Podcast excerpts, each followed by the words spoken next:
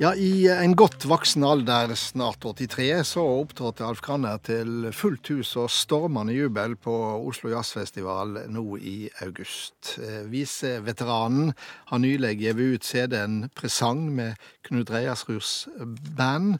Og i dag har du tatt turen inn ifra Kragerø. og er nå her i studio. Ei levende legende for alle oss som er glad i norsk visekunst. Velkommen, Alf Kraner. Dette har jeg gleda meg til. Mange takk. Jeg òg. Vi spilte jo skjærgårdsvise, mm. og vi spilte den vel også i den versjonen du har spilla inn eh, i år. Mm. Med Knut Reiersrud Band. Ja. ja. Og um, den er jo opprinnelig fra 77, men du liker jo egentlig ikke de som eh, vil, vil feste merkelappen skjærgårdspoet på deg. Nei, jeg, jeg, vil gjerne unndra meg en hvilken som helst merkelapp. Jeg vil stå fritt. Ja. Ikke sant? For det er, eh, det er jo ikke så mange. Jeg har jo skrevet en tre-fire viser om skjærgården. Men jeg har jo skrevet om mange andre ting. Mm. Så jeg vil liksom at eh, fokus skal komme på det òg. Men er det sånn at når du har eh, laga mange folkekjære viser, men et par av dem med skjærgårdsmotiv, ja, så er det akkurat som det blir hekta litt på deg? Det har lett for å bli sånn. Du vet hva eh, Også det at jeg bor der nede, da. Ja, nettopp. Eh, du vet hva Eva Taube eh, sa om sine skjærgårdsviser når han følte at de kom i forgrunnen for det andre, så kalte han det for skjærgårdsskiten. Å oh, ja! ja, den har jeg hørt, faktisk. Men ja da. Evert Taube var veldig opptatt av å bli tatt alvorlig som dikter mm. og, og, poet, så han, han sa jo det. Jeg er poet, jeg jykler ei med orden. Nettopp.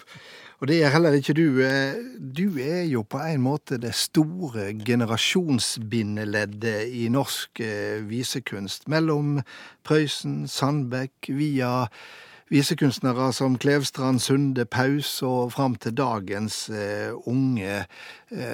Du er brua mellom alt dette på et vis. Mm. Hvordan er det å være ei sånn bru? Det syns jeg er veldig hyggelig. Fordi at jeg har jo de unge som du nevner, er jo veldig gode venner av meg. Ja, nå er jo noen av de ikke blitt så unge lenger. Nei, nettopp.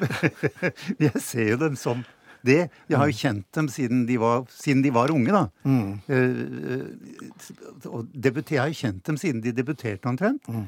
Alle disse du nevnte nå, av de unge. Og, uh, og, selv om de nå har passert 70, så ser jeg dem fremdeles på som donner. Men uh, det jeg er glad for, det er jo at de er så oppmerksomme overfor meg, mm. og at vi har en dialog som aldri tar slutt. Jeg er i hvert fall helt sikker på at uh, folk som Lars Klevstrand og Ole Paus uh, syns nok det er veldig stas når du sitter her og omtaler de som unge. Ja. ja, det er sånn jeg tenker dem også, faktisk. Du har hatt alt å si. Uten deg, Alf, hadde jeg ikke stått her nå, sa Ole Paus til deg på 80-årsdagen. Det er flotte ord. Ja, det var veldig sterkt sagt. Nå er jeg ikke helt enig med ham, altså. For uh, Ole Paus hadde nok kommet fram uansett med en sånn begavelse som han har. 1964. 1964, Det er en stund siden, og da ga vi ut du din første vise LP den gangen, med det litt underlige navnet Fine antikviteter. Ja, det var Rolf Wesenlund som fant på det. For det var hans idé at jeg skulle lage en LP. Men ikke komikeren Rolf, Rolf Nei, han var innspillingssjef i Philips. Mm. Og hadde ikke gjort seg bemerket i det hele tatt som, eh, som uh, skuespiller. Så han drev med det og var talentspeider. Og han oppdaget meg en gang han var på ferie i Kragerø.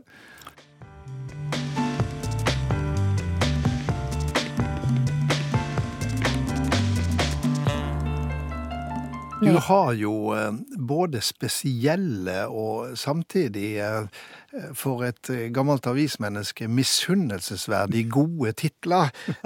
Allmuens opera er jo en sånn tittel som du satte på en TV. Det var Alf Prøysen, altså. Og det var Alf Prøysens betegnelse på skillingsvisene. Mm. Fordi han mente at romantikkens skillingsviser hadde egentlig det samme innholdet som romantikkens operaer som Madame Butterfly og Tosca og de der berømte operaene. Mm -hmm. Men så tjenestefolk hadde jo ikke råd til å gå i operaen. Men de måtte lage sin egen opera. Mm. Og så sang de om Hjalmar og Hulda, og Alperosen og sånn. Så det, denne store, hva skal vi kalle det, livsdramatikken, den eksisterer både i skillingsvisene og på operascenen? Ja, nettopp. Det er liksom høyt at flyve og dytt at falle, som det heter. Ja. Og dette var Prøysen selvfølgelig, eh, med hele hans eh, bakgrunn, eh, observant på. Ja da. Det var, det var jo liksom det viktigste Den viktigste litterære bakgrunnen hans, det var skillingsvisene. Og de samlet jo på de bøker skrevet ned for hånd. Det var håndskrevet. Søsteren hans hadde jo en håndskrevet visebok som han da fikk låne av og til fra henne mot å tegne en tegning. da. Så til henne, Og så kunne han da lære viser av den. Men du er jo også en av de fremste i dette å leite fram tradisjonen og samtidig fornye tradisjonen. Ja, det er noe med det at jeg syns jo at det som var gammelt i går, kan godt bli nytt i morgen, men på en litt annen måte. Jeg synes ikke vi skal bare avskrive ting som har vært altså, Vi bruker sånne ord som ting som har gått ut på dato. Men eh, mye av det vi tror har gått ut på dato, kan hentes opp igjen.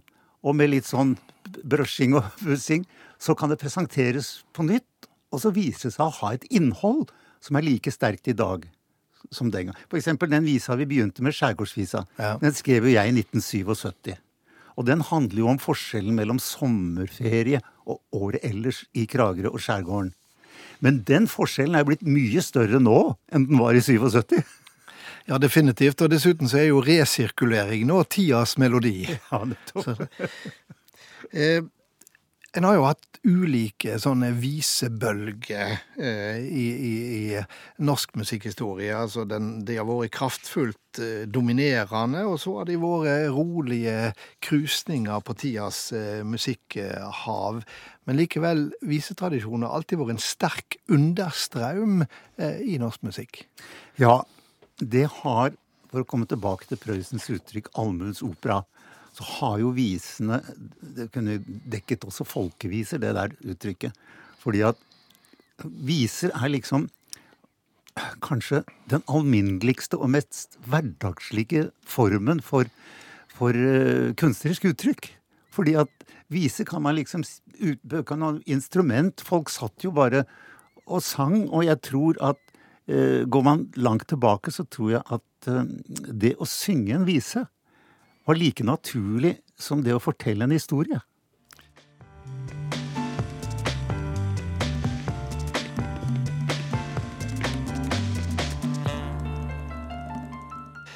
For tre år siden er det vel, så gav du ut boka Fra Alf til Alf, eh, der du eh, eh, siterer et brev til deg der Prøysen igjen siterer Aristoteles om at dere to er, sitat, en sjel som har tatt bolig i to legemer.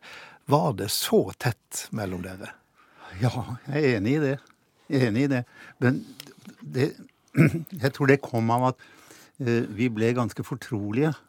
Og, og, da, og da ble vi veldig åpne. Og Prøysen var jo så nysgjerrig. Han skulle jo vite alt om meg, da.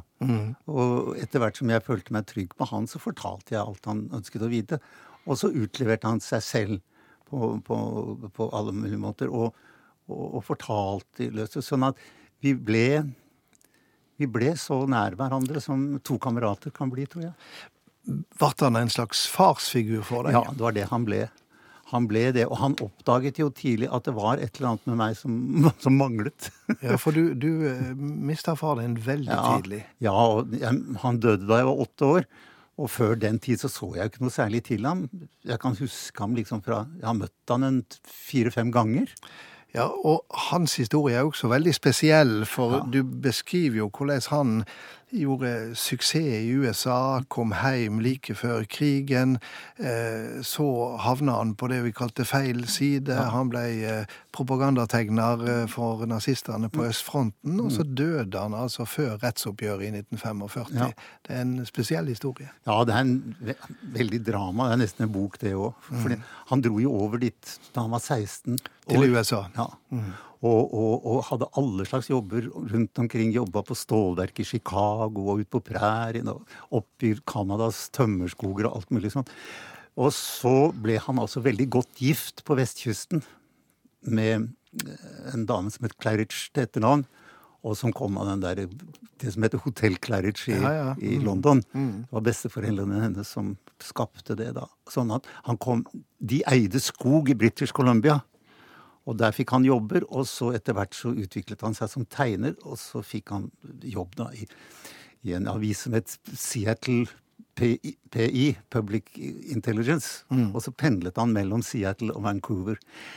Og levde veldig høyt, tjente masse penger på både reklametegning og avistegning. Og familien hennes var jo veldig rik. Um, alle disse skoger, og de hadde skogsbruk og alt mulig sånt oppi der, og i British Columbia. Men så kom krakket i 1929. Mm. Og da raknet hele økonomien både til familien Claridge og, og, og han, da. Uh, og til han og kona. Og så var det jo et uteliv hele tiden. Mm. Og det var det, det, som heter de glade 20-årene.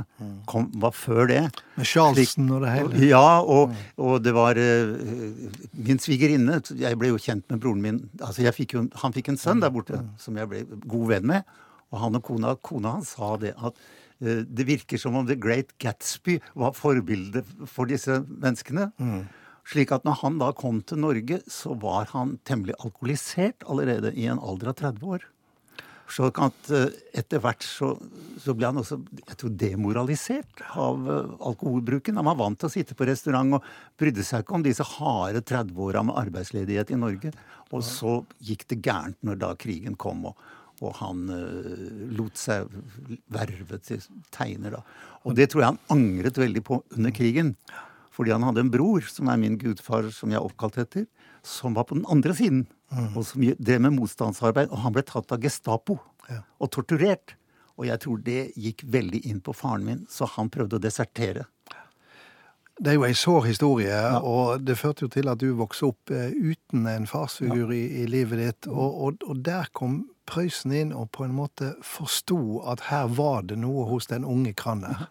Det var et eller annet. Og hva er det noe som gjør Prøysen til en veldig spesiell person i min historie, da, er at jeg syns han hadde en utrolig evne til å oppfatte andre mennesker. Altså ikke bare empati, men innlevelse. Mm. Han forsto Så allerede etter et par gangers samtale så sier han til meg jeg tror jeg skal hjelpe deg med å bli kvitt noe av det du går og drar på. Uten at jeg hadde sagt et ord. Hm.